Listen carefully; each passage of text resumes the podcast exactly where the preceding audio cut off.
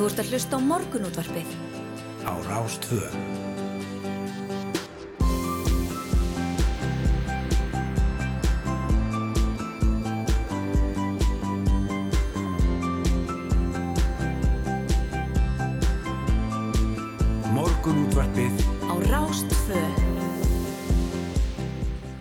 Morgunúttarpið býður góðan dag með ykkur daginn 23. mars klukkunum vantar tímyndir í sjö og það eru yngvar þóru og Hulda Gistóttir sem verða hérna með okkur til klukkan nýju eins og alla virka daga Jú, jú, við erum hér, ég var aðeins að lækka stólin, ég var langt hérna, ég var Já. miklu hávaksnari en ég er vanalega og er ég nú alveg svona meðal, mannskja, rúmlega það. Já, það er ágætt að koma sér ágætlega fyrir svona hérna Byrja að Fyrstu tala þáttarins. pompa niður í stólnum í Já, leiðinni, þetta er mjög heimilislegt. En hristi mann í gang því að eh, það er svona, tekur alltaf smá stund að koma sér að stað svona snemma mótnana. Við vorum nú að tala um það saman hérna áðan, yngvar að mikið sem að fugglasöngurinn hjálpar til svona eh, í byrjun dags. Já, þetta hefur verið langur vetur og þessi fugglasöngur er mjög kærkomin Já. óvinnu kærkomin einhvern veginn að vera vakinn við, við fugglasöng og, og hann er mér finnst hann óvinnu kraftmikill ég held að fuglarnir Já. séu ríka rosa fegnir Já, og það sé svona eitthvað farið að létta til. Já, þeir syngin vorið einhvern já, algjörlega. Við ætlum að uh, fjalla um alls konar uh, fjölbreytt efni í dag við ætlum meðal hans að heyra af þremur snjóflóðaleitar hundum af Östurlandi sem að útskriðust með réttindi til að starfa á námskiði sem var haldið á Ísafyrðum síðustu helgi og uh, tíkin Díva er einn þeirra sem að öðlaðist að réttindi en að baki þeim liggur yfirleitt að minnst að þryggjára þjálfun og við ætlum að heyri henni Solveig og Lilju Ómarsdóttur eiganda dífu um þetta ferli og, og, og hvað snjóflóðaleitar hundar þurfa að læra og hvað þeir gera. Hún verður hjá okkur á línunni undir lók þáttar, svona kortir í nýju eða svo. Einmitt, og við höldum áfram að fjallum ástandi í Úkrænum en Vlótimir Selenski í Úkrænu fórseti sagðist í gerð vera tilbúin til að draga allarsasbandalags umsókn Úkrænu tilbaka og ræða framtíð Krimskaga og Donbass hér að hana við Vladimir Putin Rúslandsfórseta ef það megi verið til þess að koma á friði í landinu. Og fórsetin hefur áður líst við yfir að samningar séu eina leiðin til að binda enda á stríðið og kalla eftir leiðtóafundi með Putin En við ætlum að ræði Karl Þormásson sem er búsettur í borginni Saboresja í austurhluta Úkrænu. Það rúma loftvarnarflutur daglega og búist við að fjöldi flóttafólks frá hafnarborginni Mariupol leiti skjóls þar á næstu vikum. Við rættum við hann fyrir einhverjum uh, vikum vikur síðan, síðan. Já, Já. og þá einmitt tala hann um það að, að uh, íbúar þarna hefðu margir hverju verið hliðhóllir rússum til að byrja með uh, en það væri að breytast núna Selenski væri orðin þessi þjóðarhetja og, og hérna hann hefði fengið aukinn stuðning. Þannig að það er spurning hvernig eh, íbúar þarna í austur héröðunum um, já, hvernig þessi orð Úkrænufórseta einhvern veginn blasa við þeim að, að mögulega sé að opið fyrir samninga viðræðum að rússar takja þarna yfir. Já, þetta verður áhugavert að heyri honum sem er þarna á staðnum. Nú, svo verið sem annarkver maður líki veikindum þessa dagana, ímest með COVID-19 eða einhverja aðra flensu og influensu tilfellum hefur fjölgað mikið á undarförnum vikum og það er talegt að faraldur sé, flensu faraldur séu og góðandi. Við ætlum að tala við hann Óskar Reykdalsson, fórstjóra heilsugjæslu höfuborgarsæðisins um þessi miklu veikindi, álægi sem þeim fylgir og þáttöku í. Eh, Aðeins að taka stöðuna. Hann kemur til okkar eftir áttafrétnar. Akkurat.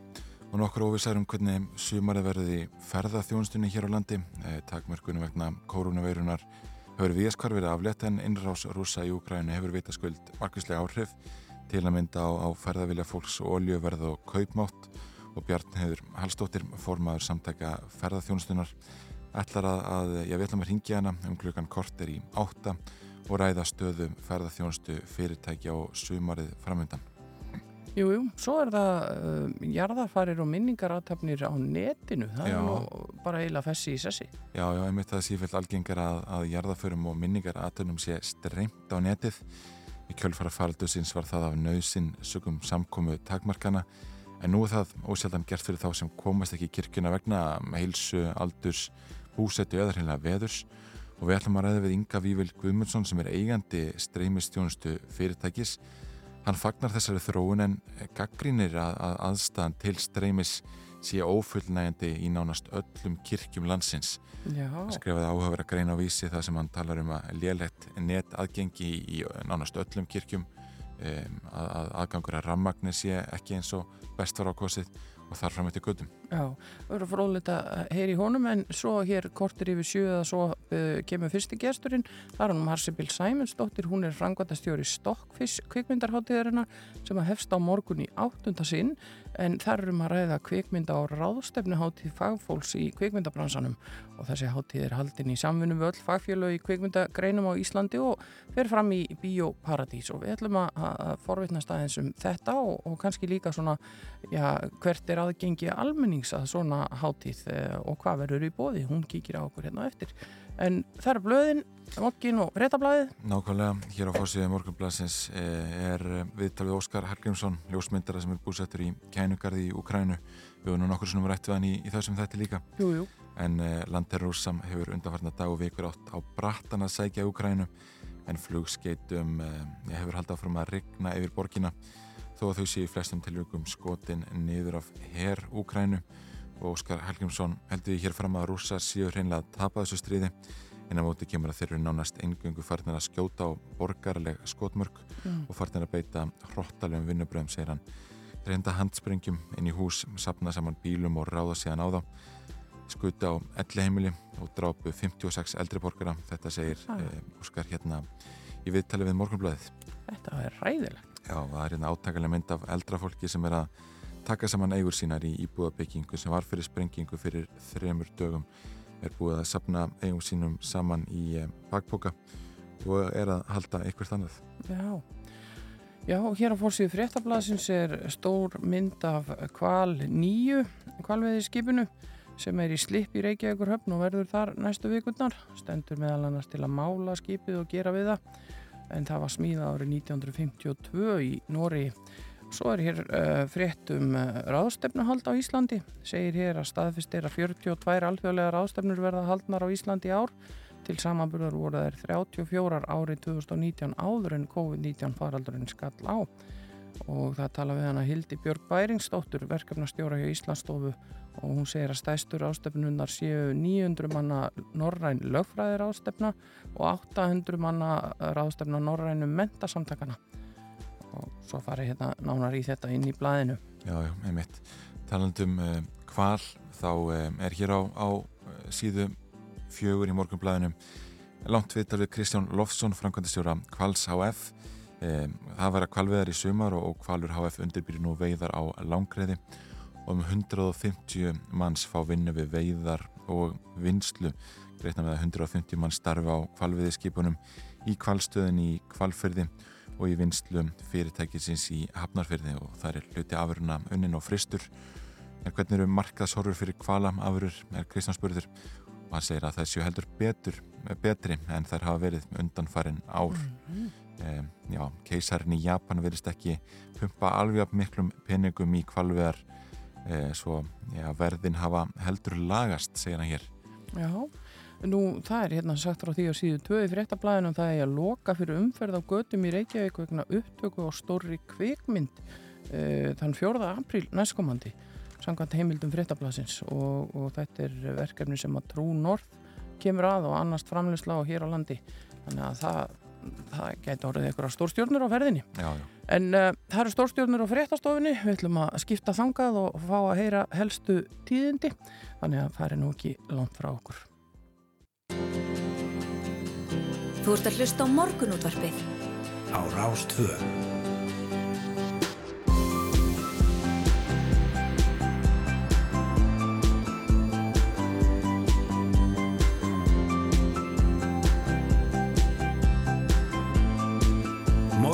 Morgunútvarpið Á Rástfö. Já, við bjóðum góðan dag hér í morgunútvarpinu, Rás 2 vöknuð og komin á ról og það eru yngvar Þóra Hulda sem eru með ykkur í dag og við verðum hér til klukkan nýju og ímislegt á dasgrá hjá okkur eins og alltaf. Við ætlum að forvitnast um stokkfisk kvikmyndaháttíðina hér á eftir. Við ætlum að heyra af svona tæknilugum áskorunum í því að streyma frá uh, kirkjuatöfnum Nú, það er ferðarþjónustan, heyrim í Bjarniði Hallstóttur formann í samtaka ferðarþjónustunar, tölum líka við Óskar Reykdalsson, fórstjóra hilsugesslunar á höfuborgarsvæðinu, enda annar hver maður í veikindum þessa dagana. Við ætlum að ringja til Úkrænu og heyra í Karli Þormásinni sem að býr þar og svo fáum við fréttir af eh, snjóflóðaleitar hundum sem að stóðu sér vel á námskiði um síðustu helgi. Þannig að það er allskins í pókahottinu í dag. Já, já, nógum að vera. Við skulum lítið til veðurs. Eh, það verður norðaustanátt í dag, viða 5-13 metrar á segundu. Sumstaða rigning, sunnalans og jél fyrir norðan. Eftir hátegi snýst vindurinn smá saman í söð-austanátt og bætir í rigningum sunnan og vestalans en stittir upp fyrir austan. Og hiti í kringum frostmark norðan til á landinu en alltaf sjö stiga hiti sunnalans. Það, er, það eru ágætis frettir allavega fyrir þá sem búa hérna á sunnanverðu landinu. Já. Það, hérna, þegar lítum hérna á, á kortið á, á viðstofunar og förum til háttegis þá eh, já, eru um það byrj 5 gráður hér um, á suðvesturhorninu Mm -hmm. uh, á svona hægur vindur en bjartara fyrir norðan uh, að bara hefði skýrt á að vera og, og, og rétt yfir frosmarki Mikið hlakka ég til þegar maður verður að sjá aftur heiðan heiminn. Það hefur nú bara valla gest hér, sunnalans bara, ég veit ekki hvað, hvað lengi. Það búið að ransi grá miklulegt Já. og, leðilegt. En, En við fáum alltaf fugglasöngin eins og við nefndum hérna nákvæmlega, við tökum það sem við fáum Já. og gleðumst yfir því, ekki, ekki nokkuð spurning. Ef við kíkjum aðeins á vegagerðina, þá er uh, alltaf verið að minna á hólurnar uh, sem að þarf að passa sig á og það er snjóþekja eða hálka á vegum á Vesturlandi, ófært á Laxárdals heiði og þungfært á Skóaströnd og þæfingsfærð á nokkrum fáfarnari leiðum. Nú svo er það aftur uh, í dölunum verið að vara fólk við slæmu vegi yfirborði vestfjörðavegar og uh, vegurinn um Dinjandis heiði á vestfjörðum er lokaður. Þetta eru helstu tíðindi frá vegagerðinni eins og staðinni núna. Já, einmitt. Og það er ágætt að, eins og við minnum ofta á, að skoða bæði vef veðustofunar og veðgerðarinnar áður en haldið er í einhverju lengri færalög allavega. Já, það, það er skinsamlegt. En uh, við ætlum að byrja á fyrsta lægi dagsins og þetta er glænýtt. Þetta er ung íslensk tónlistakona, hún Una Torfa og lag sem heitir Ekkert að.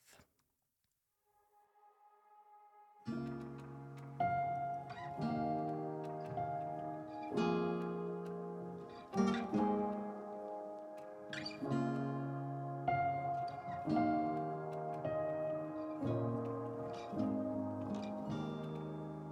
er með hólur í hausnum Munn sem segir þér frá. Ég er með augur sem leka Tár sem fullir af þrá. Og þú heldur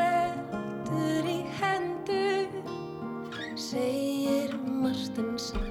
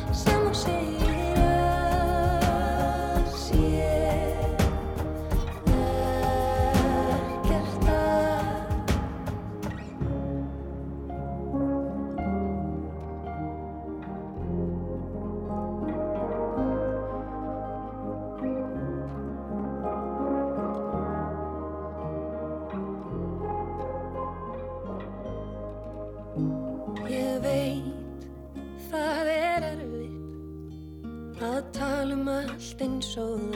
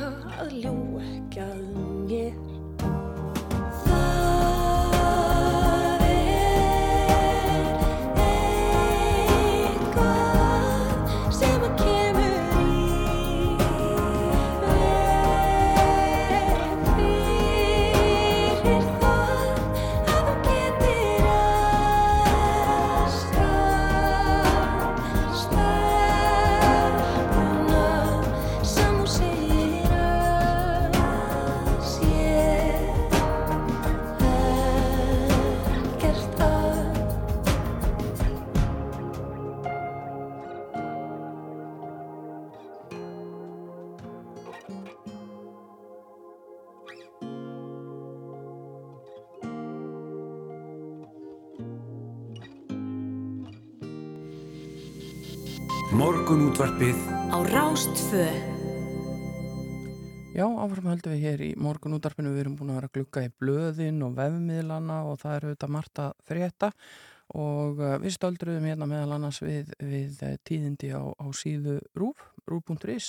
Við vorum að tala um í gæra, þá var vonað þessum öfluga körvilbil í Louisiana ríki í Bandaríkjónum og það fór uh, þannig að, að, hverjulbillurinn hefur lagt fjölda húsa í rúst og þegar kostaði eitt mannslíf uh, samkvæmt þessari frétt hér á vefnum okkar og bandaríska veðufræðistofnunin tilkynnti að hverjulbillurinn nálgaðist New Orleans í nótt og kvatti íbúa borgarnar til að leita umsvegalust skjóls og svo bárast tilkynningar um mikið tjón í Arabi útkverfi austan New Orleans. Mhm, einmitt. Það er, er ríkar alltaf að fylgjast með þessum uh, hverfylbilum uh, ganga Svakalegt. yfir uh, strandir bandaríkjana. Já, þetta er alveg svakalegt. Já. Ef við fyrir maður sunnar þá hafa líka fjallað um það á vef rúfa að Vilhjálmur Bretaprins og Katrín Hertoginni af Cambridge, eiginkona hans, þau eru núna í ferðarlega um Karibahafslöndin, ekki bara alltaf njóta heldur til þess að, já, allir svona au- auka almennings álit Mm. og, og annað slíkt. En fjöldi mótmælenda tók eins og vera mótið þeim uh, þegar þau komið til Kingston, höfuborg Jamaica í gær.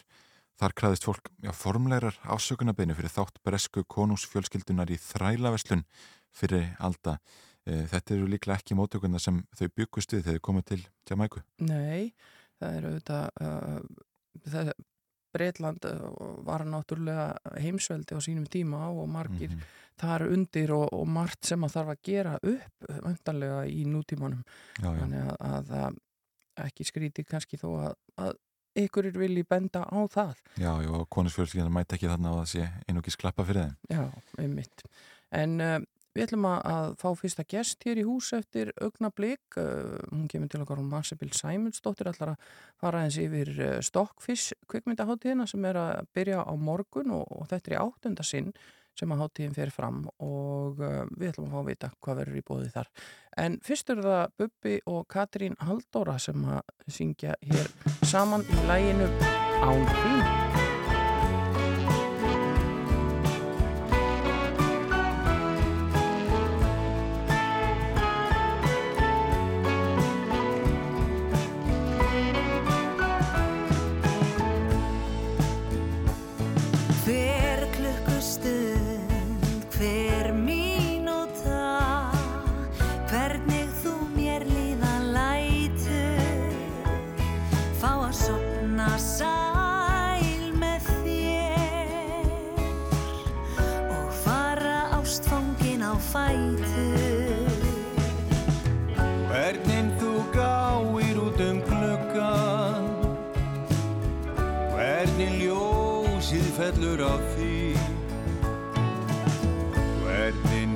Drekkur þitt kaffi.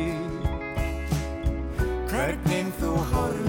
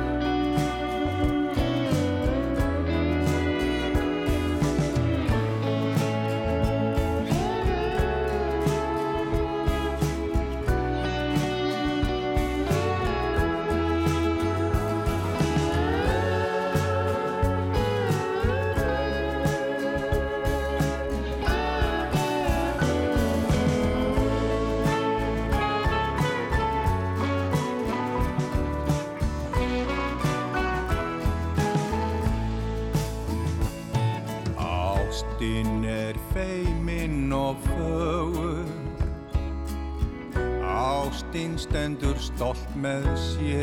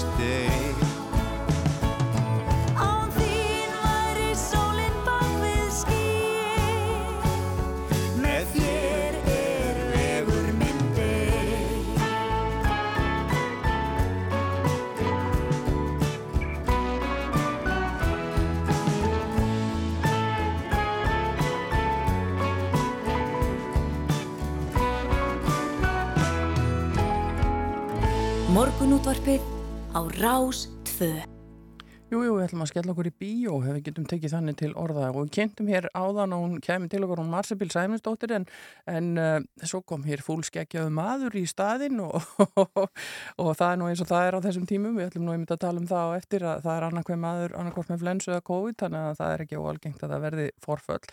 En hann er komið til okkar hann Ásæl Sigurlaugur Níelsson sem er aðstofa framleiðandi og gestastjóri Stokkviss kvikmyndaháttíðarinnar sem hefst á morgunni áttunda sinn og uh, er eh, já, svona kvikmynda og ráðstefnu hátíð fagfólks í kvikmyndabransanum. Við ætlum að, að fá að vita eins meir um þetta. Velkomin til okkar. Sko, hvað getur þú sagt okkur um, um sko, fyrir þá sem þekkja Stokkvís ekki neitt, eh, hv- hvers konar hátíð er þetta nákvæmlega? Stokkvis kvikmyndahátíðin er, já, kvikmyndahátíð og eins og þú segir, það núna í áttunda sinn haldinn. Mm. Höfuð áherslan á þessari hátíð þegar hún er uh, sett á laginnar er að um, svona ebla tengsl íslensks kvikmyndaðinar og Mhm. íslensk kvikmyndagerða fólks við uh, fagfólk erlendis. Já, tengja, tengja þar uh, á milli. Tengja íslenskariðina við, við þannig erlenda og, og, og gefa svona platunum. Við erum ekki að sína íslenska myndir. Það er svona, uh, já, nei, við, sem sagt, þær myndir sem eru síndar eru, eru margverðlaunaðar myndir sem hafa verið að, að gera það gott í svona á erlendu kvikmynda átíðum. Þannig að við að sína, reynum að sína svona rjóman af því besta sem hefur verið uh, að koma fram undan fannar mánuði mm en, en þessi, þessi bransa hluti, það er þar eru við að koma stertinn fyrir, fyrir eh, Íslendinga eða þess að íslenska já. Og, og þetta byrjar á morgun og, og hvað er þetta lung hátíð? Hvað stendur þetta lengi? Þetta eru 11 dagar, Já, þetta er alveg bara úthald. þetta er útald, þetta er bara eins og bara hálfur smugu túr sko.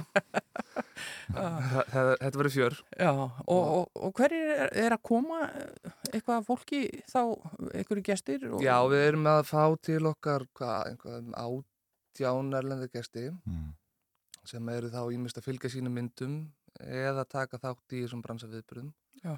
til, þess- til þess þá að vera með í spjallborðum eða með eh, svona mistari spjall eða masterklassa eins og er kallað á lægri íslensku. Jú, jú.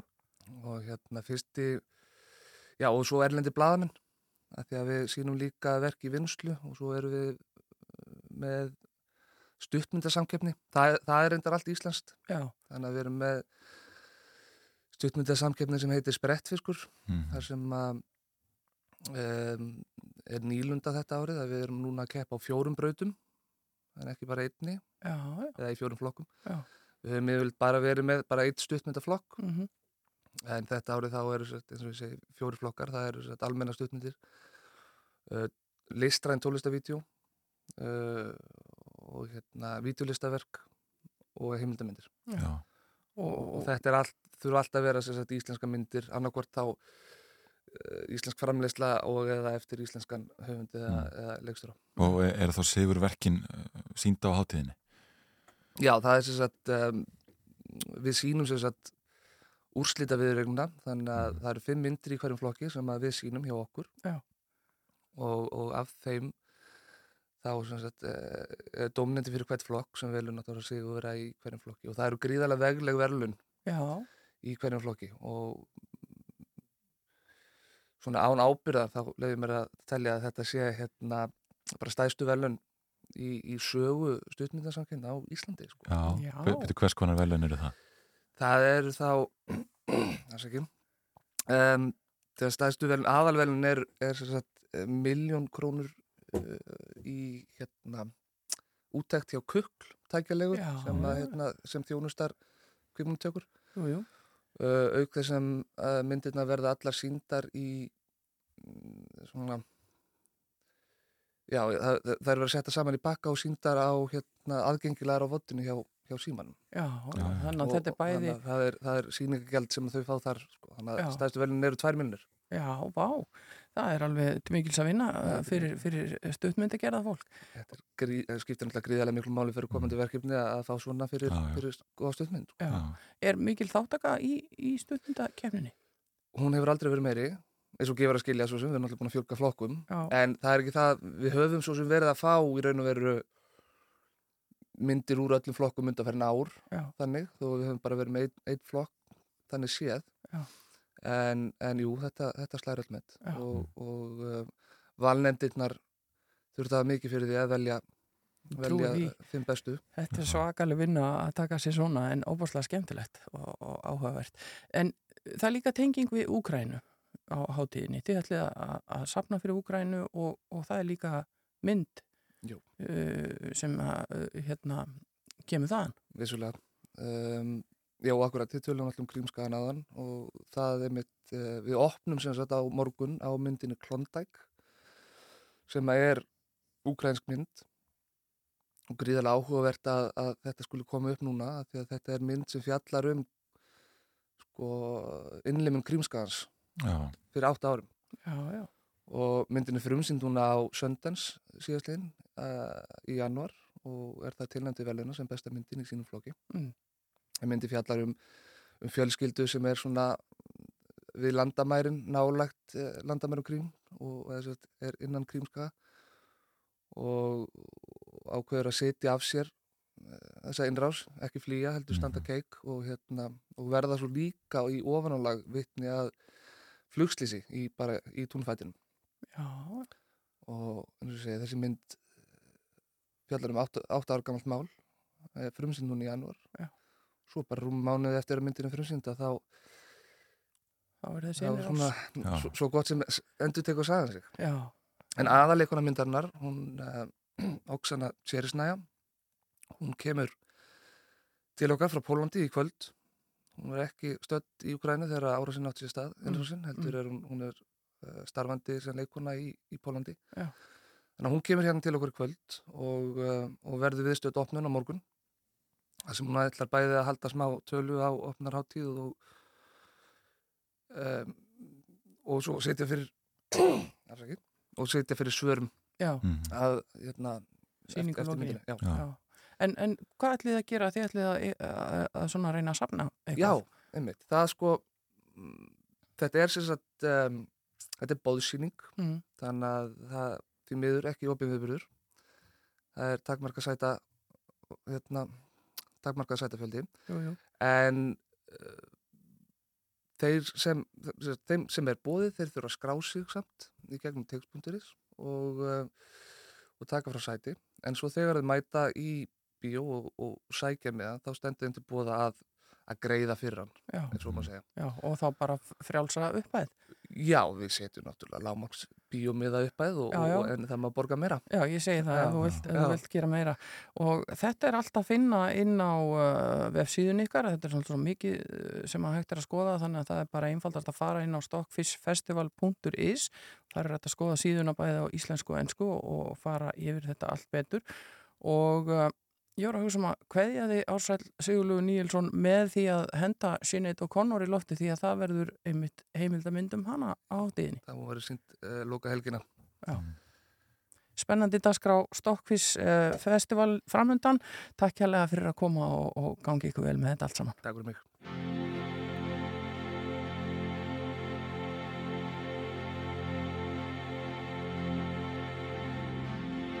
It's been seven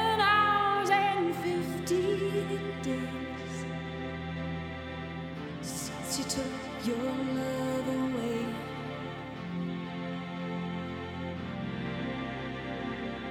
I go out every night and sleep all day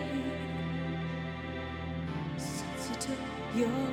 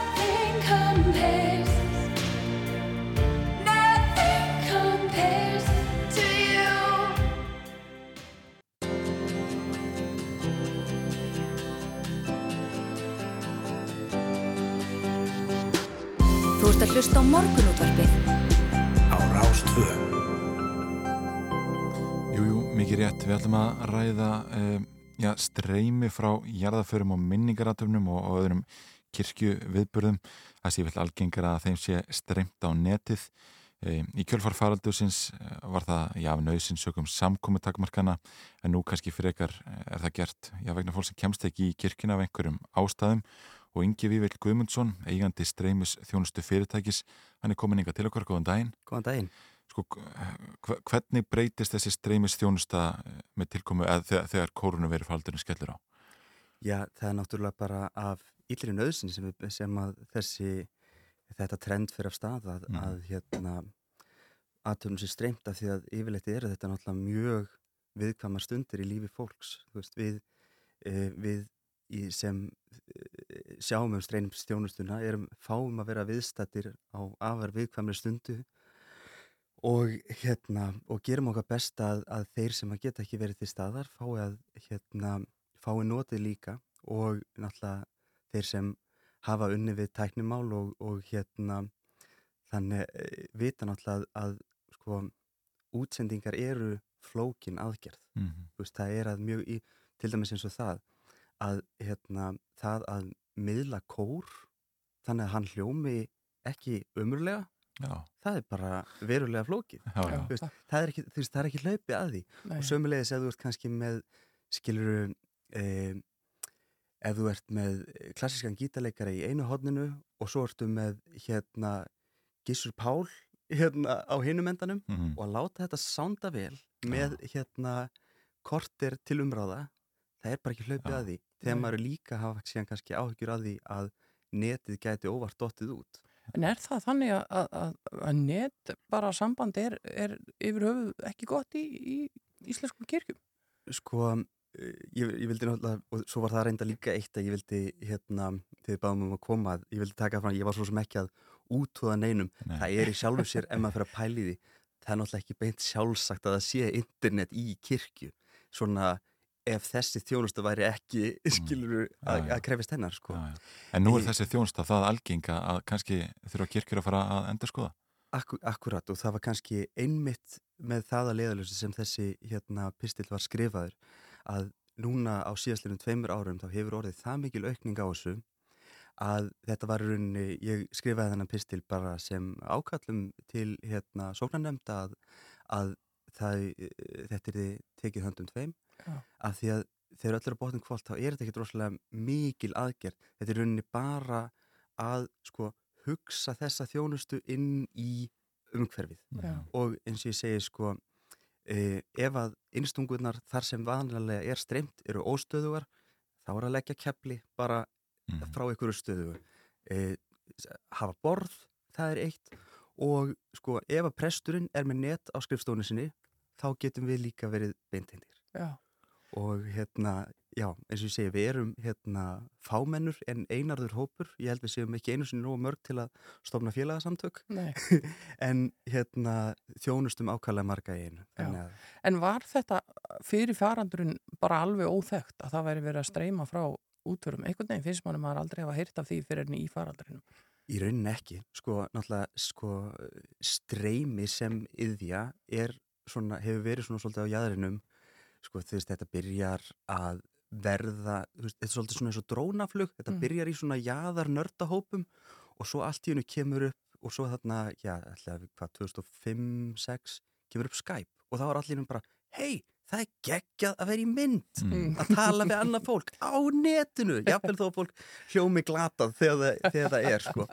og þú veist, upp úr þeim grunni þá veist, fæðist þetta, þetta fag og, og í dag er þetta náttúrulega bara mjög e, frjór og skemmtilegur hérna hópur sérvitringa sem að leitar í þetta fag ég hef stundum sagt sko að, að hérna, það að streyma, þetta er svona þetta er svona innanúsýþrótt Mm. fyrir spennufíkla sem að nenni ekki að reyfa sig Já, það er einlið til að segja það. En, en sko, þú talaði um það í þessari greina sko, að með sko, fáum framsýnum undantekningum, grínlustöldum og fingurum annarar handar er aðstæðanlega streymis hjarnar allstaðar, ófullnægjandi. Eh, það er náttúrulega búið að vera mikið um þetta núna eh, undanfærin tvö ár, kannski sérstaklega. Eh, þetta lítur að auka talsvist á spennuna. Er streymið ofta dett úti í, í miðri aðtöfn og, og hérna vegna lélegs nets eða ramags? ég ætla ekki að segja að það hafi gerst oft Nei. en ég hef því miður lent í því að, að, að hafi, eða útsending hafi ekki hefnast af því að út af þessu snetsambandi og auðvitað sjálfsögðu í hérna það, það væri ósangjant að varpa ábyrðinni frá sjálfum mér en Mm. það, sem, það sem ég ákanski frekar við er að sko allir þeir sem að þjónusta eru þjónustaðalar í þessum geira já, í rauninni skulda okkur öðrum það að bara hjálpa stað það, veist, það er svona í rauninni það sem mitt ákall gengur út á af því að um, eins og ég segði hér í byrjun hérna, við langar ekki til að útúða, útúða neðinum af því að þetta er, sko, upp til hópa er þetta mjög gott fólk sem vinnur í kirkjum Mm. Upp til hópa, segir þú. Ég var að skjóta á því. Æ, þetta var nú Jæja En það sem er svo áhugavert við þetta að, að sko nú er bara búið að opna þennan möguleika.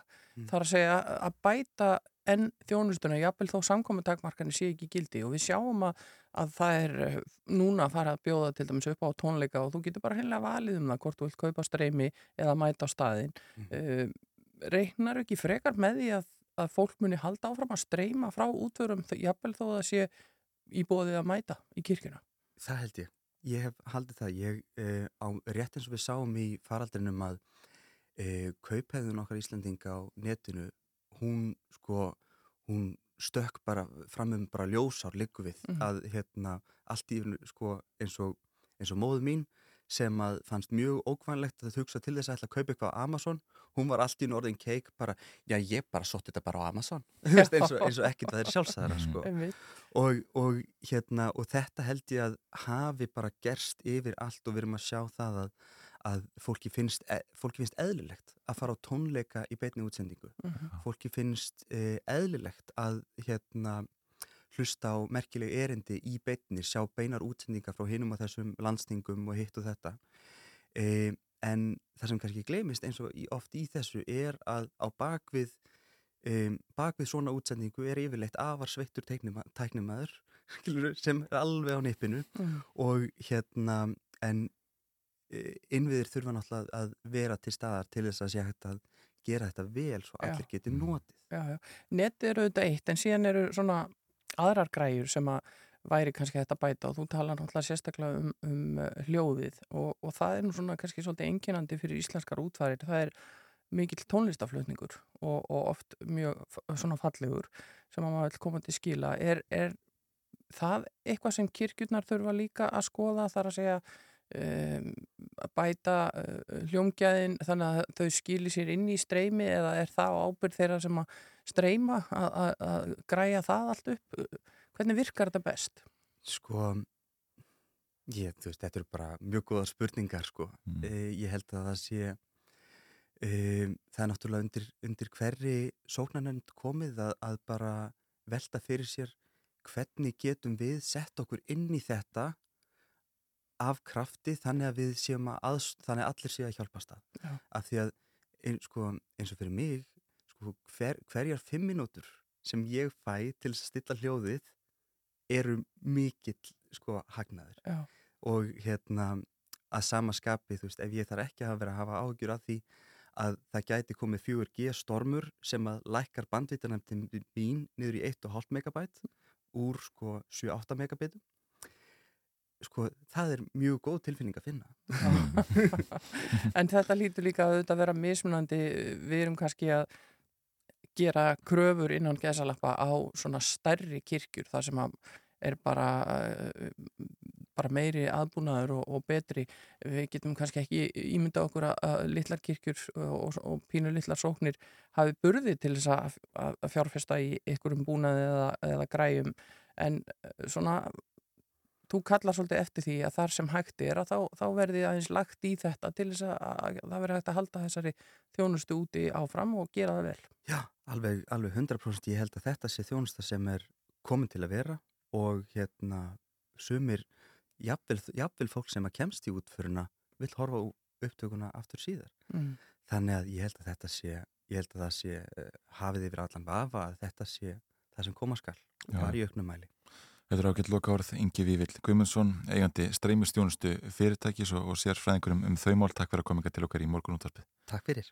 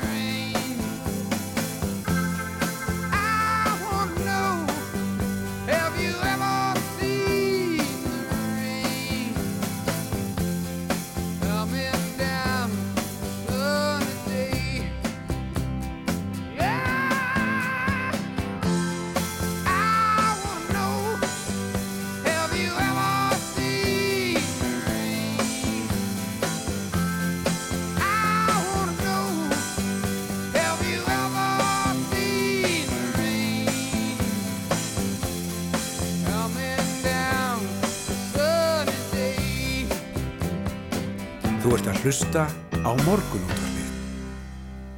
Vissulega, Creedence Clearwater Revival og gammal smellir frá þeim Have you ever seen the rain?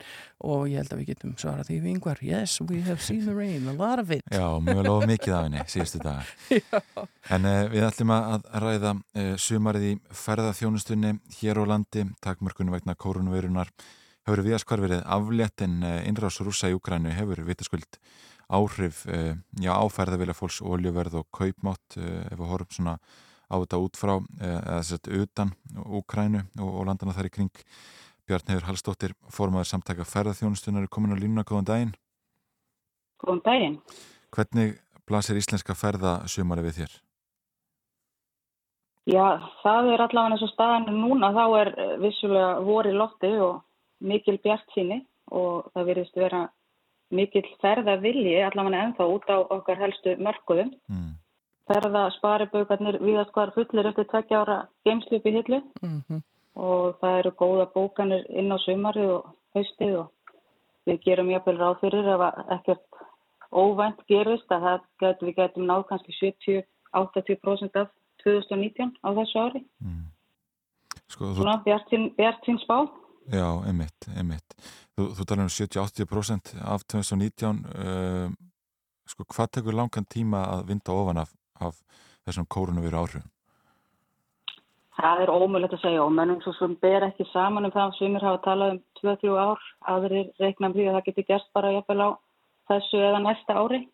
Það eru svona yngsir utan að koma til þetta sem hafa náttúrulega áhrif á það. En, en eins og ég segi, sumarið lítur mjög vel út hérna á Íslandi og við bara reiknum með að það verði nánast allt, allt fullt hérna allavega yfir, yfir háana tíman og það eru ýmsi gististaður og fleira bara orðið uppbókað nú þegar. Já. Og samt eru við ennþá í miðju bókunatímabilinu og það hefur sínt sig á meðan á sem faraldur stóð að fólk eru að bóka með mjög, eða miklu skemmri fyrirvara heldur en týrkaðist áður, svona eftir aðstæðum hverju sinni. Já. Þannig að eins og ég segi, ef ekkert óvænt og, og, og alvarlegt gerist þá held ég að við séum bara í ágættismálum nú í sumar og haust. Já, svo er það hinn liðin á peningnum ef við getum orðað þannig, það er að, að, manna uh, þessi störf sem að, sem að nú þarf aftur að fylla í þegar fólk fyrir að koma. Uh, hvernig lítur það út? Já, það, það er áskorun, vissulega, það sem að gengur misvel hjá fólki að, að, að ráði störfin. En það er alveg ljóst að við verðum að treysta að stórum hluta á erlend vinnu og eins og við höfum svo sem gert síðustu ár. Við höfum aldrei getað reykið ferðarþjónustan hérna nema með erlendu vinnuafli og það gengur bara ágætlega hjá sumum en kannski erfiðar hjá öðrum. Þetta er svona eftir því hvernig er með gistingu og svoleiðis fyrir, fyrir þetta fólk. En við bara vonum það best að það rætist úr því. Já, þannig að svona heilt yfir bara uh, bjartsýni og jákvæðni í fólki. Já, það, það er það allavega eins og ég segi í dag. Við erum nú búin að læra það meðan á þessu stóða að hérna, það er ekkert í hendi fyrir að það er komið. Við höfum náttúrulega tekist á við ótrúlega tíma þar sem að það hafa komið tímabilin á milli þar sem bjartsinu hefur ríkt en síðan hefur verið keirið tilbaka miklu afli. Já. En allavega, uh, já, það er ekki verið svona mikið bjartsinu eins og er núna, við erum allavega bara í tvö ár held ég með að segja. Já, þetta er auðvitað búið að reyna á og, og viðbúið að einhverjir, fyrirtæki hafi reynlega ekki lifað þetta af þetta tímabil. E, na, hafið þið einhverja yfirsýn yfir það eða er búið að taka saman einhverja tölfræði varðandi bara uh, þau fyrirtæki sem ekki hafa náða að halda sínum rekstir gangandi? Nei, í rauninni þá erum við náttúrulega ennþá í, í bóla kafi hvað þetta varðar. Mm. Eh, Það er nú ekki þannig að, að erfileikar þessara fyrirtækja sé að baki. Við erum rétt svona að, að rýsa upp úr þessu faraldus ástandi og uh, það er rauninni kemur ekki til ljós fyrir, ég myndi segja sent á þessu ári svona hverjir, hverjir hafa það að. Það fer svona mikið eftir í hvernig sumavertíðin fer hjá fólki og fáum við gott sumar þá munum fleiri fyrirtæki lifa af heldur en ella en, en ég held að stóra uppgjörið verði ekki fyrir en seint á þessu ári. Nei, einmitt. En, en það er tölvert rætt um, hækkun á óljuverði og öðru slíku uh, út frá þessu uh, hrikalega stríði í Úkrænu. Uh, telur það að, að, að stríði sjálft hafi mikil áhrif á íslenskan ferða eðnað inn í sumarið? Já, áhrif þessara innráðs á rúsa í Úkrænu er ekki merkjanleg ennþá hjá, hjá á Íslandi. Það eru flesti samálum það að það hefur ekki hægst neitt á bókunaflæðinu enn sem komið er en það getur náttúrulega breyst fljótt ef stríðinu linnir ekki fljótlega og þessi innrás mun mjög líklega hafa áhrif á flæði ferðamanna um álfuna og það er líklegt að drægi úr ferðum til margra ríkja til dæmis í austur-Európu sem síðan aðrir áfangastæðir munu njóta góðs af. En svo eru náttúrulega þessi efnaðslega áhrif, við þurfum náttúrulega að hafa augun á þeim og eins og nefndir hækkun oljuverð sem að mun um, já, líklega fljótlega byrstast sem hækkun á flugfargjöldum og síðan er það hækkun framfæslu kostnæðar á markasvæðunum okkar vegna hækkunar eða skorts á aðfengum og, og síðan verðbólka sem hefur ekki sérst í ára tví og þar fram til guttunum. Þannig að, að þetta er allt svona atriði sem að gætu haft trublandi áhrif svona þegar þetta er að líða á árið. Já, já. Bjarþýr Hallstóttir, formaður samtaka færið þjónustunar, þakka fyrir að vera á línunni hjá okkur. Takk fyrir. Og það er kannski rétt að geta þess að við ætlum að ræða ástandið í Úkrænum upp úr klukkan hálf nýju. Þá ræðum við við Karl Þormásson sem er búsettur í borginni Saporosja í austurluta Úkrænu. Það róma loftvarnaflautur daglega og búist við að fjöldi flótafólks frá Hafnarborginni Mariupol leiti mitt skjóls þar á næstu vikum. Mm -hmm. Þannig að það verður áhugavert. Hann verður einmitt eins og við nættum aðan þá rættum við hann hérna fyrir nokkru vikum og þá talaði hann um aukinn stuðning íbúa við Úkrænustjórn um, það sem nokkur stuðningur hefði verið við rúsa fyrir. Já. Og þá var hann stattur í, í loftvarnabyrginu nýri kjallara nákvæmlega. og sjálfsagt búin að þurfa að fara að þangað ansi oft síðan við heyrðum í honum síðast en vonandi ná við í hann uh, þarna uh, eftir fréttæguleiti klukkan hálf nýju Já. og svo eftir áttafréttinnar þá ætlum við að tala við hann Óskar Reykdalsson uh, fórstjóra heilsugjæslu höfuborgarsvæðisins en það verðist vera mikið, það er mikið um veikindi þessa dagana. Já, rosalega mikið verðist vera. Finnum fyrir því á þessum vinnustad og, og, og bara í, í samfélaginu alls það er kringum okkur og, og það er ímist COVID uh, eða einhverjar aðra flensur Já, já. og influensu tilfellunum hefur verið að fjölga mikið á undanföndum vikum og, og svona líklega flensufaraldur í kortónum. Fáum að vita meirum þetta og svo í lokþáttar þá ætlum við að forvindast um eh, snjóflóða leitar hunda þannig að eh, það er ímislegt framöndan hjá okkur en eh, við ætlum að heyra í Lenny Kravitz sem ætlar að syngja okkur í 8.8 fréttum. Lægi heitir Stillness of the Heart og svo er það frétti klokkan 8.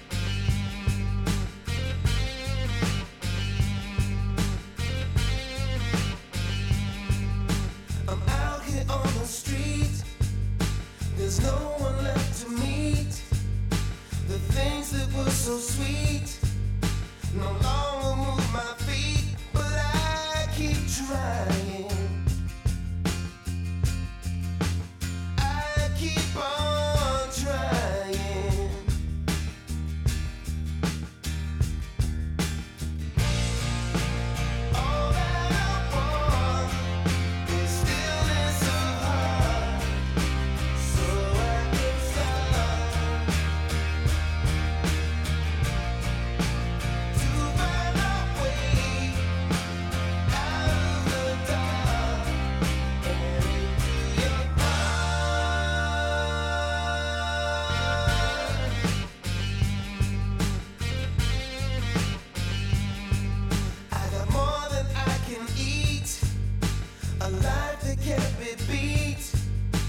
Yet still I feel this heat.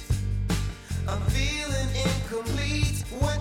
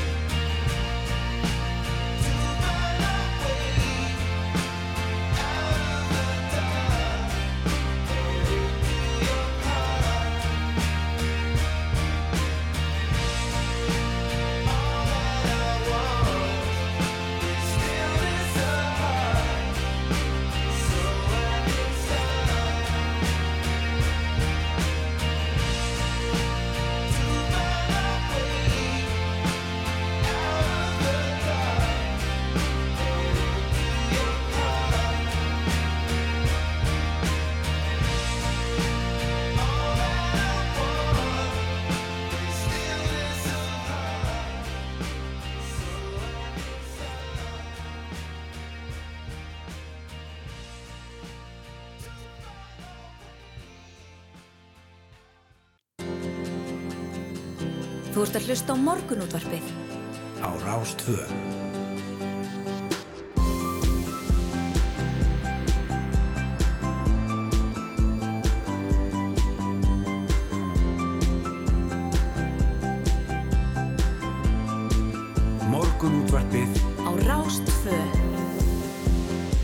Jú, jú, höldum áfram hér í morgun útarpinu, áttafréttinar búnar og uh, við bendum auðvitað á vefin okkar rú.is, þar er uh, fréttir allan sólarringin líka. Já, já, nákvæmlega.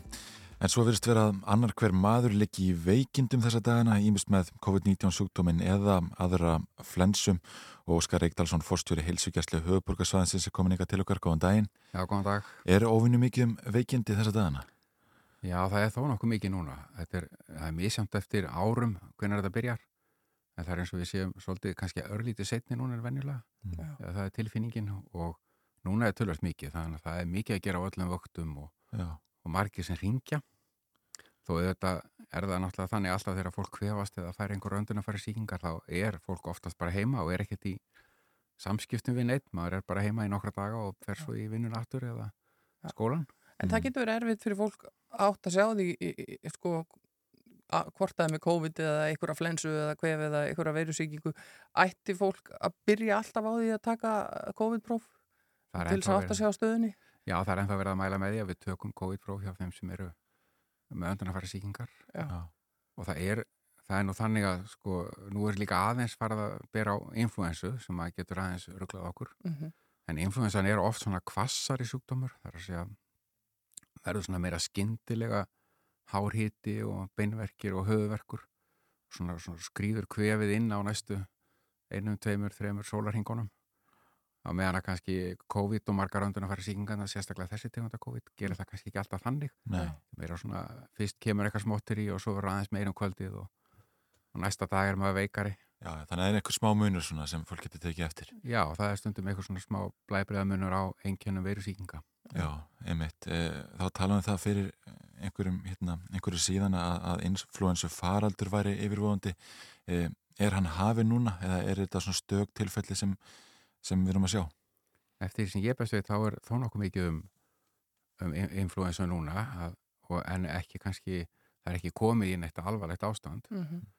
en það er áhyggju efni vegna, sérstaklega vegna þess að við höfum haft lítið influensu eh, fá tilvík síðustu tvö árin. Og, og stefnin í að það sé meira núna en, en verið hefur. Já, og það er oft þannig að þegar það er ekki influensa eitt ári þá verður hún meiri næsta ár. Já, en er þetta vegna þess að við erum bara búin að vera dugleri að passa okkur og, og þrýfa okkur hendunar og sóttreinsa í kringum okkur eða vorum náttúrulega mikið heima er, er þetta bara svona praktísk atriði sem minka influensuna?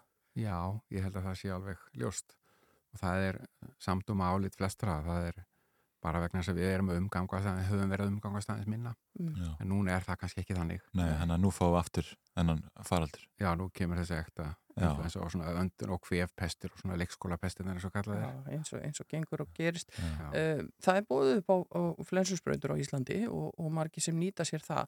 Hvernig hefur þáttakann verið í því núna? Uh, Er fólk að mæta minna af því að það er búið að þurfa að fara í alls konar sprautur fyrir COVID eða nennir ekki meir eða, eða er góð þáttaka í flensusbrautum?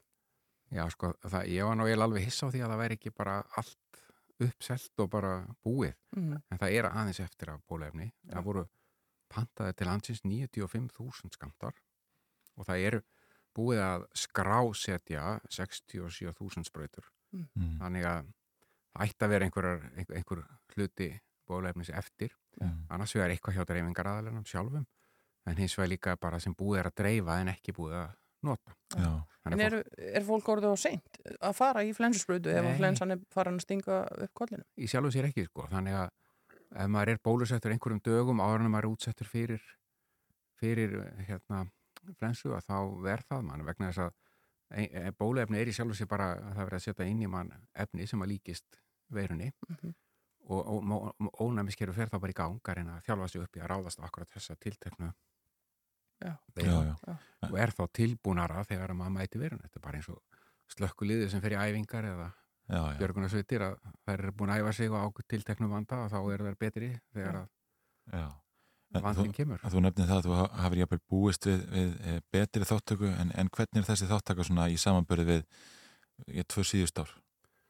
Ég held að það veri, já nú er ég kannski ekki alveg með þær tölur á hreinu en yfirleitt þá er ekki mikið eftir að bólaefni þegar Nei. svona komið er fram eftir áramót. Það er Já. að jafna verða búið og við höfum svona frekar verið, en það hefur að vísa ekki verið panta svona mikið inn áður. Já. Af því að Við, það var viðbúið að það yrði mikið lásók Já.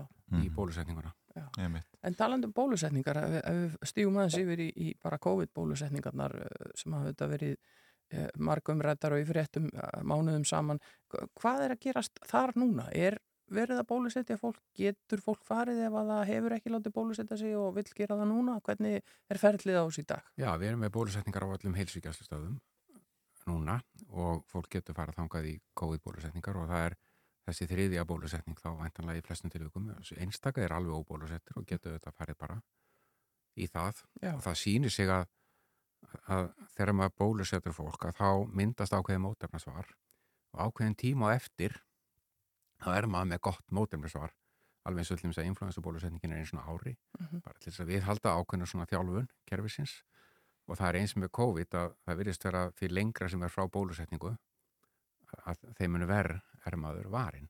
Þannig að þeir sem eru með þriðju bólusetninguna eh, kannski tvekja, þryggja, fjóra mánada að þeir eru til dæla vel varðir og fara ekki mjög illa út úr, svona almennt séð. Mm. Mun betur heldur en þeir sem eru alveg óbólusettir. Já, sjáum fréttir í vikunni að því að brettar er að ræða það að fara í fjórðu uh, bólusetninguna, fjórðu sprautuna. Er þetta eitthvað sem hefur verið rætt? Ég veit að þetta er kannski ekki ákvörðun sem þú tekur en, en, en, hefur þetta verið rætt svona innan ykkar hóps? Já, það er þegar farið að bólusetja ákveðna áhættuhópa, fjórðu bólusetningu og það eru ákveðnir svona mjög með undirlíkjandi sjúkdama sem eru alvarlegri gerðinni og það er þegar farið að mæla með því víða Mhm. og er hér til dæmis. En í, í sko fjórðu bólusetningu almennt að þá er það nú ekki komið langt en, en, en það er semst umræður Já. í gangi því að það gæti vel verið að það er einhver breyting á veirunni og þetta nýja bóluefni sem er vona núna innan nokkura vikna er örlítið öðruvísi heldur en fyrir bóluefni Já, já. þannig að ætti þá kannski að vera aðeins viðtækara og verja aðeins betur Já, hvers konar bóluefni er það segir? Ég er nú ekki alveg klár á því hvað, ég, hvað, er, hvað framleiðandi er sem er með Já. það sem er að gerast en, en þetta er svona bara það sem að maður heyrir sko. Já, það er auðvitað bara þróun í þessu stanslust verið að vinna í að bæta þessi bóluefni og, og, og breyka virknið þeirra. Já, það er nákvæmlega þannig sem það er gert og það er gert okkur einasta ári með influensabólusetningu Mm. og við höfum alveg vona á því að það verði bara áfram með COVID því væntanlega tekur þetta eitthvað smá tími viðbót allavega hann að þurfa að verja okkur fyrir næsta vetur, ég held að það sé nokkuð eins við förum alltaf í þessa árulegu flensusbrötu býstu við því að, að COVID-sprötan verði árulega líka? Sem við tala um það. Já. en þetta er nú svona bara erfitt að spá held ég. En það er svona sagan segir að stund sumarveirur halda áfram árum saman og, og hætta aldrei í rauninni. Eins og koronaveirur eru náttúrulega alltaf í gangi ímsar koronaveirur og hafa verið ár, árum, áratugum saman eins og við höfum bara þekkt veirur þá hafa koronaveirur verið til Já, sko. já, einmitt. En nú er náttúrulega verið tölvert álag á heilbriðistofnunum, eh, ég menna það er 80 sjúkrási núna eh, og, og álagið á heilsugjastluna, ég vantalega mikið líka. Eh, við erum að fá þennan influensufaraldur einn líka. Eh, sko ræður heilsugjastlan við þetta mikla álag? Já, við, þetta þurfum við alltaf að vera að breyta og eins og við höfum gert undan fannir 2-3 ár breytt þjónustun okkar bara mjög ört og við erum alltaf að taka það er alltaf einhvað nýtt sem kemur upp á og það sem við erum núna með er við erum með þessa sem erum búin að setja í gang núna upplýsingamiðstu heilsugjastlunar sem er mjög góð leið að fara inn, það er sem sagt heilsuvera netspjallið annars vegar og svo símtöl og við erum, við erum líka með þar svörum þar sem að er svona skinjari á heilsuveruna þannig að 30% af öllum okkar fyrirspurnum er eiginlega á, á sjálfvirt svarað svona Já. vél, vélmenni má Já, já. Mm. en síðan erum við með starfsfólk sem að hjálpar til og hjúknarfræðinga og lækna sem að taka við verkefnum og þetta er alveg 1500 á dag Já. 1500 manns sem við afgreðum bara með þessum hætti Já. Það munur að minna. Já, og við vitum alveg það að framtíð helbriðsjónustunnar eru þetta þannig, við, við getum aldrei bara fjölga fólki endalust, það er bara ekki til fólk til þess að sinna því sem við teljum fyrir öldrunni þjóðarinnar Já.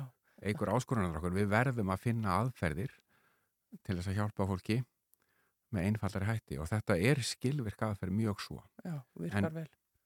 Já, en að samanskapi megum við auðvitað ekki missa persónulegu tenginguna við fólki. Nei, nei.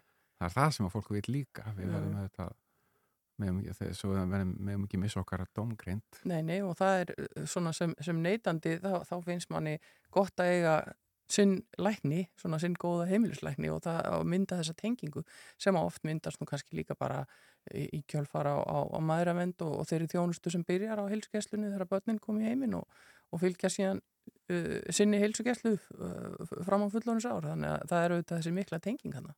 Nákvæmlega og það er þessi hugmyndafræði sem er svo mikilvæg í helsugjastlun að fólk hafi eitthvað stað sem það þekki það er starfsfólk, læknar eða aðrir sem Mm. það þekkir og það skapar svo mikið öryggi bara í lífinu að hafa Mm. vita hvert maður á að leita þegar Já. eitthvað bjátar á. En þið hafi verið, að- voruð þetta, sko, höfðu nóg að gera fyrir. Svo bætist þessi faraldur ofan á eins og allt annað og svo eru þið líka búin að vera að taka inn uh, nýverkefni til dæmis uh, í krabbaminn skimunum og, og, og meiri þjónustu á uh, geðsviði og annað slíkt. Þetta, þetta gengur allt. Já, já og við höfum auðvitað fjölga mjög mikið starfsmönnum, það fjölgar við höfum fengið fólki í þetta og það er en eins og það eru verkefnin okkar meira en við hafa verið Mm. og þess vegna áskorunum það er ennþá meiri og það er sannlega auðvitað einhvers staðar eru takmörkin en þetta er samt sem áður búið að vera mjög spennandi og fólk hefur verið til í þetta Já. en það eru viðbútaverkefni eins og annars í geðheilbyrðisþjónustunni þar höfum við ráðið algjörlega fólkin við erum með samhæfingastöðina krabba með skimana þar sem við bara ráðum inn fólk sem Mm.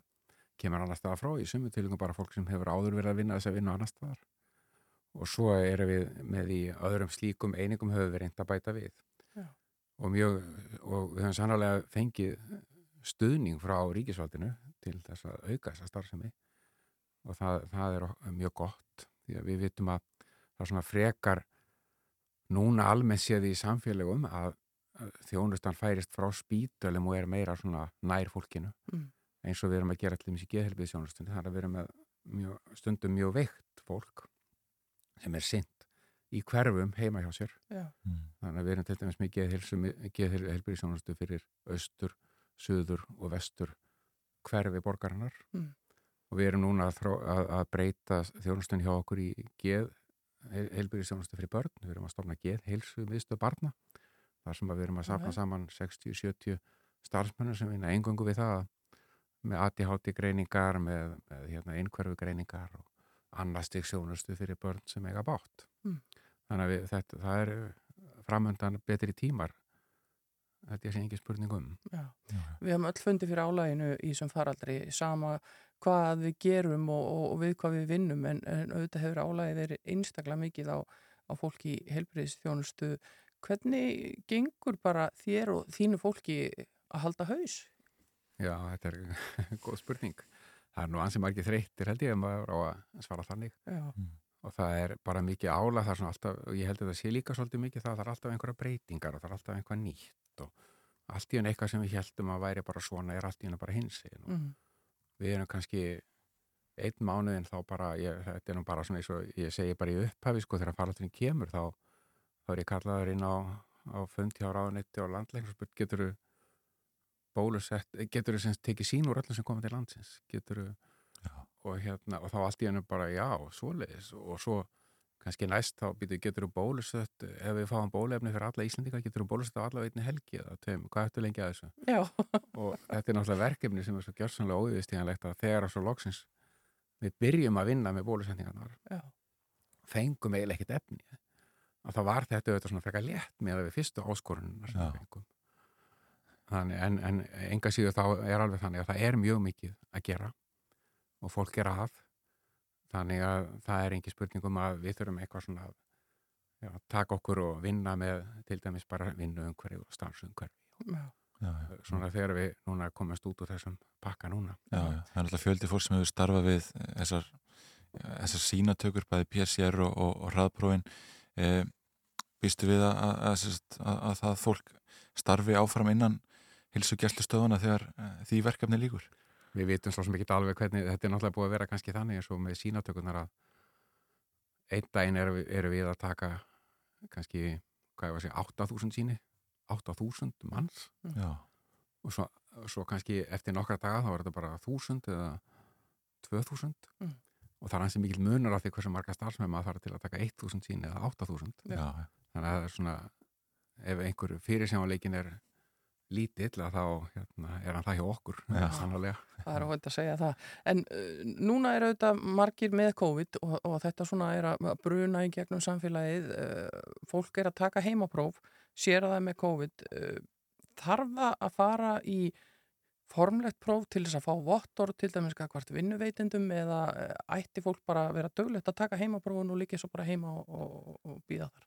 Já, það er í sjálfum sér ekki þörfa á að staðfesta þannig sér, þetta er ekki lengur svo krafa að gerð en eins og er þá þá sögumir þurfa vottorð eða þurfa staðfestingu á því að þeir hafi fengið COVID en ég held að það sé í raun ekkit Já. svo margir sem þurfa þess þannig að ef þú ert með jákvætt heimapróf þá er þetta bara fimm dagar og, og jafna sig. Og ef það er eitthvað í heilsunni sem að gera það verkum að þér finnst þú ert óörugum með þetta eða ekki alveg sáttur við gangmála þetta sé eitthvað óvenjulega vöndun að fara sýking Já. veikar en venjulega einhvað þá er bara að hafa samband. Já. Já, einmitt. og leita, leita upplýsinga. Uh, náttúrulega að, fimm dagar svo framalega sem þú ert þá ekki með einkenni í lók þessara fimm daga. Já, Já. ef þú ert með mikið lenginni þá ertu smitandi lengur og alltaf verður maður fyrst og fremst að fara auðvitað eftir hvernig manni líður Mm. Já, já. Við, við tölum um það hérna áðan alltaf, það er eins og annar hver maður líki veikindum þessa dagana. Eh, ef einhver er að vakna núna með okkur, já, með smá höfuverk og, og, og nefrensli, þá já, mælum við með því að, að sá einstaklingur haldi sér heima eða, er þetta orðið flóknan eða það? Já, ég held að, og það er held ég að bara samfélagslega að sé að það er enginn að samþykja það að einhversi kvefaður. Nei, nei. það er ekki búið Í lengur vinnunni, það er ekki búið lengur, sko. Þannig að nokkur er svona láta sjá aðeins til hvað gerist og svona. Já. Og svo hefur við líka séð það, sko, að það er eins og heimaprófin, því að við kannski heyrt það líka, sko, það stundum með fólk að taka heimapróf á hverjum degi og fyrsta daginn er ekkert, er það neikvætt og annan daginn neikvætt, svo loksins á þriðið eða fjóra degi er það jákvætt og Já. þannig að við sjáum aðeins svoleiðis að það kannski borgar sér ekki að flýta sig of mikið að taka heimapróf en það getur alveg verið bara sniðut að jafna sér eitt, tvo daga Já. og áður um að fer síðan að vinna Mm. eða hitta fólk að já. er kannski ágætt að tekka. Það er kannski örgasta testið. Já, gott að hafa þetta allt í huga. Takk fyrir að koma, Óskar Reykdalsson, fórstjóri heilsugjæslu höfuborgarsvæðisins, við vitum að það er nóg að gera hjá þér, þannig við kunum að meta það og gefið þér tími að kíkja við hjá okkur og, og fræða okkur og hlustendur um þetta. Og við segjum bara gangi ykkur vel með þetta áfram. Takk fyrir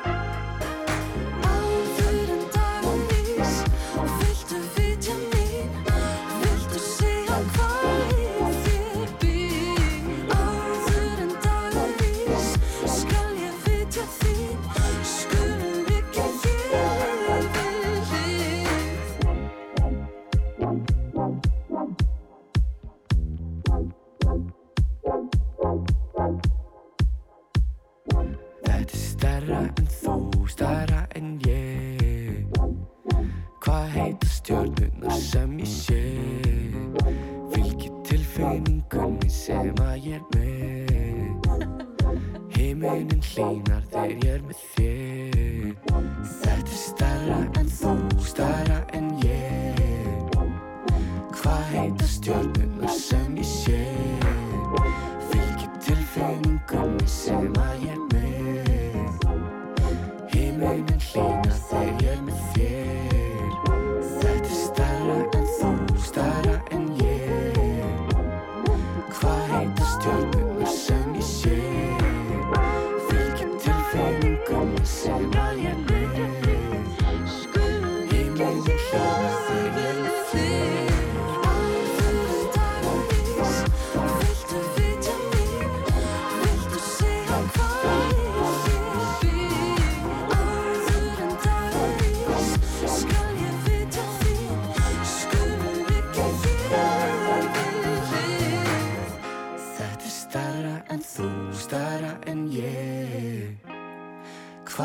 Hvað heita stjörnunar sem ég sé Fylgir tilfinningunni sem að ég með. Himinin hlýnar þegar ég með þér.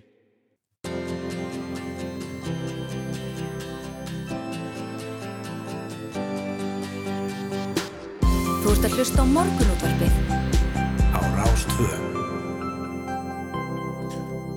Við hér í morgunúndarpinu, yngvar Þóra Höldagestóttir, höldum áfram að fjallum ástandið í Úkrænu, en Vlótumir Selenski í Úkrænu fórseti sagðist ekki að vera tilbúin til að draga Atlasás bandalags umsókn Úkrænu tilbaka og ræða framtíð Krímskaga og Donbass hér aðana við Rúslandsfórseta ef það megi vera til þess að koma á friði í landinu. Og fórsetin hefur áður lísti yfir að samningar séu eina leiðin til að binda enda á stríðið og kalla eftir leiðtóafundi með Pútín. En við ætlum að já, ræða við Karl Þormóðsson sem er búsettur í borginni Saporossia í austurhluta Úkrænu. Hann er komin á línuna, góðan daginn. Góðan daginn. Hvernig er staðan hjá þér þessa dagana? Við höfum nú lítið órið öru þetta sem betur fyrr. Við erum svona tvisar, þrísar á dag sem við þurfum að fara í, í byrgið út af lóttarnaflautum það hefur ekkert verið um að vera hérna í, í borginni. Nei, en þó tvisar, þrísar sinum á dag sem þið þurfum að, að leita í þessi byrgi. Og, og hvenar dags og er það? tími í gerskvöldi og Já, ja, það það er hægt að stilla klukkuna svona um 6 á mótnana. Og svo er yfirleitt svona uh, milli 7 og 8 á kvöldin. Og ja, í gæð var svo tvisa sinnum þannig að rétt fyrir hátegi og svo aftur um þrjúleitið. Já. en það er nokkuð standard svona kvölds og mótna Er mikið af fólki ennþá í þessari borg? Hefur fólk ekki flúið í, í, í stórum stíl af þessu svæði? Nei, það er eitthvað hefur farið en, en það er uh, mjög, mjög lítið mm. þessi sem ég er best veit. Mm, þið hafið ekki orðið vörfið svona bein átök á svæðinu. Nei, við sáum hérna um, helgina tvær sprengingar hérna austur á borginni eða svona, já, það sem við töldum vera sprengingar og svona smá drunur sem að komu. Það er náttúrulega tiltölulega ljóbært hérna í, í kring sko þegar ekki til um að vera. Já, já. Hvað með, hvað með aðföng og, og, til dæmis bara aðganga að matvælum og, og, og því sem að fólk þarf í sínu daglega lífi er hægt að fara bara út í búð og er þar nóg til? Uh, já, svona þessu nöðsina verum er, hafa nú verið nokkuð góður í að halda þokkalega góðu vöruvali. Sko. Já. Matur og vatn og, og, og þetta dótt sem að, sem að þarf svona dagstaglega. Já, já. Það var talað um það fyrir einhverju síðan uh, ástandi hefur náttúrulega verið hrikalett í, í Hafnarborginni Mariupol og talað um það að, að fjöldi flóttafólks myndi leita norður og koma þá í gegnum uh, Saporossi, borginna sem þú uh, býrði í. Uh, Það reyndar í vest. Það vesturs. reyndar í vest. Já, já. En er, er mikið um það að fólk komi frá Mariupol uh, til þín? Þess að þetta hefur orðið að- fjölda flóttafólks. Nei, við náttúrulega erum í útkverju sem sagt vestaði fljótið þannig að við verðum kannski ekki mikið vör við að þannig en, eftir því sem við best veitum að þá hefur ekki verið mjög mikið. Það er eitthvað, ég held að sé hugsalega einhverstað á milli 10 og 15 þúsund sko. Já, já þú það. Einfall, einfallega vegna þess að það fólki hefur ekkert gefist færi á því að komast á milli. Nei, nákvæmlega. Það það fóru strætisvagnar, hverju 5-6 strætisvagnar núna um helgina. Þeir voru á annan sólaring á leiðinni sko. Já, einmitt. Það fara leið sem að tekur yfir svona þrjá tíma. Já, já. Já, það, er- eins og við rættum hérna áðan þá á sæðist Lótimir Selenski tilbúin til að ræða framtíð eh, héraðana í, í að austur héraðana við Rúslandsfórseta eh, þegar við tölum síðast við þig fyrir einhverju vikum síðan þá sagður að, að, að svona viðhorf íbúa þessu svæði sem margir hverjir eða allavega einhverjir voru hliðhóllir rúsum fyrir séu það ekki núna eh, sko, finnur fyrir viðhorfsbreytingu í garð Úkrænu yfirvalda og, og, og svona afstöðu til Rúslands? Uh, fólk er náttúrulega kannski svona svolítið bjart sína núna en var fyrir kannski hálfu mánuði síðan. Mm. En maður er þessi, þetta fólk sem að við höfum svona verið í samband við, það er náttúrulega, náttúrulega átt okkur á því að, að, að það er ekkert svona mikill samgangur á milli fólks sko. Mm. Af því að fólk reynir bara að halda sig heima við. Já, já, einmitt. Að En, en ég, mér, svona, mín tilfinning er svo að, að það er ekki, sko, það er ekki svona eins og maður myndi segja neitt hatur að gott svona almenningi í Rúslandi. Nei. Af því hér, hér er náttúrulega sko 80% af íbúin hérna í Austurlandinu, á Austurlandinu eru eh, annarar kynnslóðar rússar sko. Já, já. já, já. En, en hvernig heldur að fólk á þessu svæði tæki það ef, ef Úkrænu, já, ef, ef Lótumir Selenski, Úkrænu fórseti, myndi leifa rúsum að taka yfir þessi austur héruð? Já, eins og ég skilur það fréttir að þá er hann ekkert að leifa þeim að taka þetta. Sko. Nei, Hann vil að verði farið, verði farið fram kostningar já, undir stífa eftirliti mhm, og það er þá fólksins að að ákvæða hvoru megin þeir vilja vera. Já, já, einmitt. En, en sko, hvað tekur við hjá þér núna uh, í dag og, og næstu daga? Já, núna er ég að fara að gera mig klána með að fara að stunda aðeins hérna í gardinum að því að það er að koma á vor Nú, já, já. Já, gott að heyra. og það kemur, það kemur þó að, þó að það sé eitthvað stríð sko og hérna það er líka hjálpar okkur svona að dreifa huganu Já, Já, gott að hafa ykkur verkefni. að vera að finna já, það er nöðsölegt en svo er bara að býða og, og vona þeir besta mm. En það er kannski meiri jákvæðin í... ekkert Já, maður veit náttúrulega ekkert hvað tekur við þú veist á kottveginn sem þetta fer nei, nei. En eru íbúar svona jákvæðir en áður? Já, mér finnst það. Mér finnst það. Og fólk svona almennt sýnist með eins og við, við höfum nú verið að fara á hverjum degi nánast í að vesla og, og, og hérna færa fólki sem ekki hefur tökkað að komast í, í búðir Mm. fólki kannski líkamlega burðið til þess eða, eða, eða peningalega og, og þannig að manni finnst svona, svona fólk svona almennt reynir bara að halda halda svona sinni förstu rútínu Mm. og Láta, láta dagana líða. já, Hvað með aðgang ykkar að, að fréttum og, og fjölmjölum? Við höfum auðvitað heyrt af uh, rittstýringu frétta í Rúslandi en, en hafið þið sem búið í Úkrænu góðan aðgang að fréttamiðlum og, og, og uh, getið þið fylgst vel með því hvað er að gerast í landinu þó það sé ekki nákvæmlega heima í ykkar húsagarði? já, já, já, já það er þannig að allar sjónastöðar hérna eru uppbyrlar af fréttum eins og það er náttúrulega að taka öllum fréttum við varu sko, hvort sem að koma austan eða vestan megin sko. Mm. það er náttúrulega það er allir að færa sitt Já, Það, er- það er svona tilfinningin að, að kannski almenningur treystir fjölmjölunum ekki alveg 100%.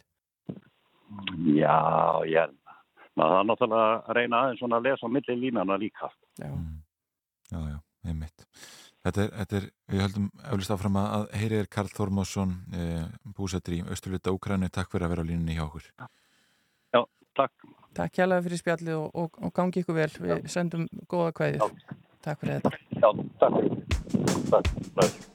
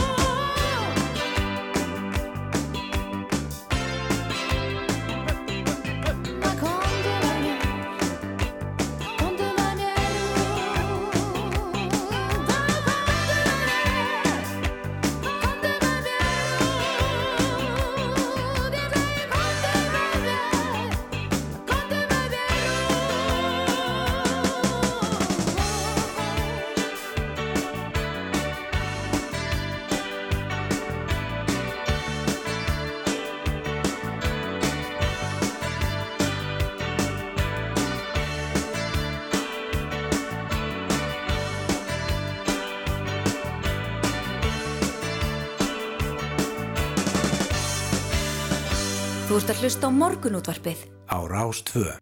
Jú, jú, þetta var hljómsningin grafík og lag sem heitir Kondu út. Það er að skilja það í ymsum skilningi, það er að fara út að skemmta sér, það er líka að fara út að reyfa sig og það er til dæmis líka að fara út og þjálfa snjóflóða leitar hundin sinn. Já, einmitt. Uh, við ætlum einmitt að fjalla um, um snjóflöðarleita hunda af Austurlandi næst eh, en þrýr snjóflöðarleitar hundar útskjöðus með réttin til starfa á námskeiði sem haldi var á Ísafjörðum síðustu helgi og tekinn Díva er einn þeirra, hún auðlaðist aðréttindi en að baki þeim er yfirleitt að minnstakosti þryggja ára þjálfun. Og Solveig Lilja Ómarsdóttir eigandi Dífur komin á línuna, góðan daginn. Jú, góðan daginn. Við verum að spjalla við þig þar sem við getum ekki rætt beint við dífu en, en hva, hvað verður til þess að þið færa að staði þetta ferli? Uh, fyrsta lagi er ég uh, búin að vera lengi í sveit og björgunarsveit og ég hérna hef alltaf átt hund og svo egnaðist ég hana eftir ég átti gamlan hund sem, að, sem að var með kær og, og ég vildi bara vera með hundi minn í verkefni, ég átti veið, veiði hund sem sagt fyrir þennan hund. Og, og við fórum að þreyfa fyrir okkur hvað við getum gert, hvort við getum farið í viktló eða eitthvað svona þegar hún síndi strax svona temdi sig í svona alls konar hún er gaman að leika og leita og, og leysa verkefni og er bara þannig hérna, er þannig hundur.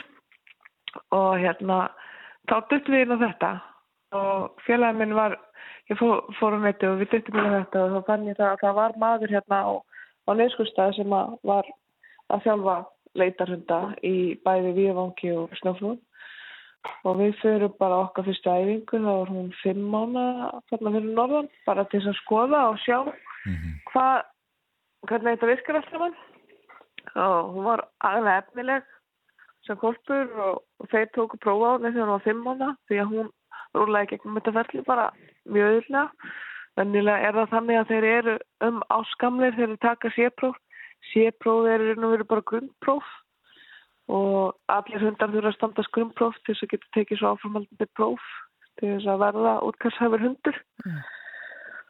Og hérna við vorum þarna og litum gráð okkur nýri snjó og, og mókuðum mikið og, og fylgdast vel með og þetta var mjög skemmtilegt og, og svo var ég bara alveg fallins í þessu og líka bara þessi hugssjón að hjálpa fólki sko. Já, það er auðvitað mjög, mjög gott mál en, en uh, hvað tegundir dífa? Her, dífa er bara, hún er bara íslenskur ástrali, hún er blendingur Já, og já. Hún, hún er svona vestlunum að helgaslið sem gerst best Nú, nú hefur maður einhvern veginn haft það svona tilfinningu, ég hef ekki mikið vita á þessu en, en ég hef svona haft á tilfinninguna að það séu ákveðnar tegundir hundar sem að hendi betur í, í, í svona en aðrir en, en hún eh, sýnir það að þetta er bara fyrir alla, fjölbreytnin blífur. Já, já, algjörlega getur það verið þannig. En auðvitað erum við með ákveðna tegundir sem að hafa verið oftar en ekki nýttar og eins og bortikóli labrador. Þetta eru ferðmeiklir hundar sem hafa mikið drif ofta tíðum en svo eru blendingar alveg, alveg notaði líka slatta í þessu. Það er bara mjög misjant við höfum verið að fá alls konar hunda. Og við vorum með tvo snásar labrador snásar kolpa blendinga á námskeiðinu fyrir vestan núna og þeir voru rosalega flottir.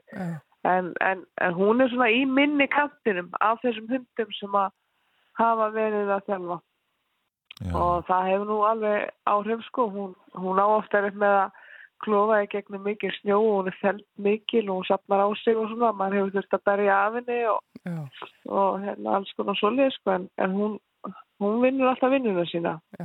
Og, og, og henni finnst það ótrúlega skemmtilegt. Og, og þetta er mikið álag fyrir hundana. Þetta eru fjóri dagar sem þeir búa í búrónu sínum allan sólarhengin þannig að, að, að þau þurfa að hafa ótrúlega mikið andlegt úttalt til þess að fara í gegnum svona, svona og geta unnið sko, já, já, já og hérna En hva, hvað tekur svo við þegar að dífa er komin með aðréttindi? Eru þið þá hluti af björgunarsveit á ykkar heimasvæði eða hvernig eh, Já, nýtist já. þetta? Já, við höfum alltaf verið hluti af okkur björgun sveit. Uh, við, við, hver hundur er skráður í sína sveit í sínu samfélagi, eða sem sínu bæfélagi. Uh, hún heldur áfram þjálfum. Það er nefnilega þannig að þegar þú ert búin að taka A-próf þá ferðu í A-endur mat eftir tvö ár. Og hundurinn þarf, þá eru gerða meira, meiri kröfur og þegar þú ferði í próf þá er alls konar tröfun. Það er náttúrulega gert ráð fyrir að hundurinn getur tólað háaða og fólk og, og, og tæki og og ýmislegt, dróna og, og hvað annað.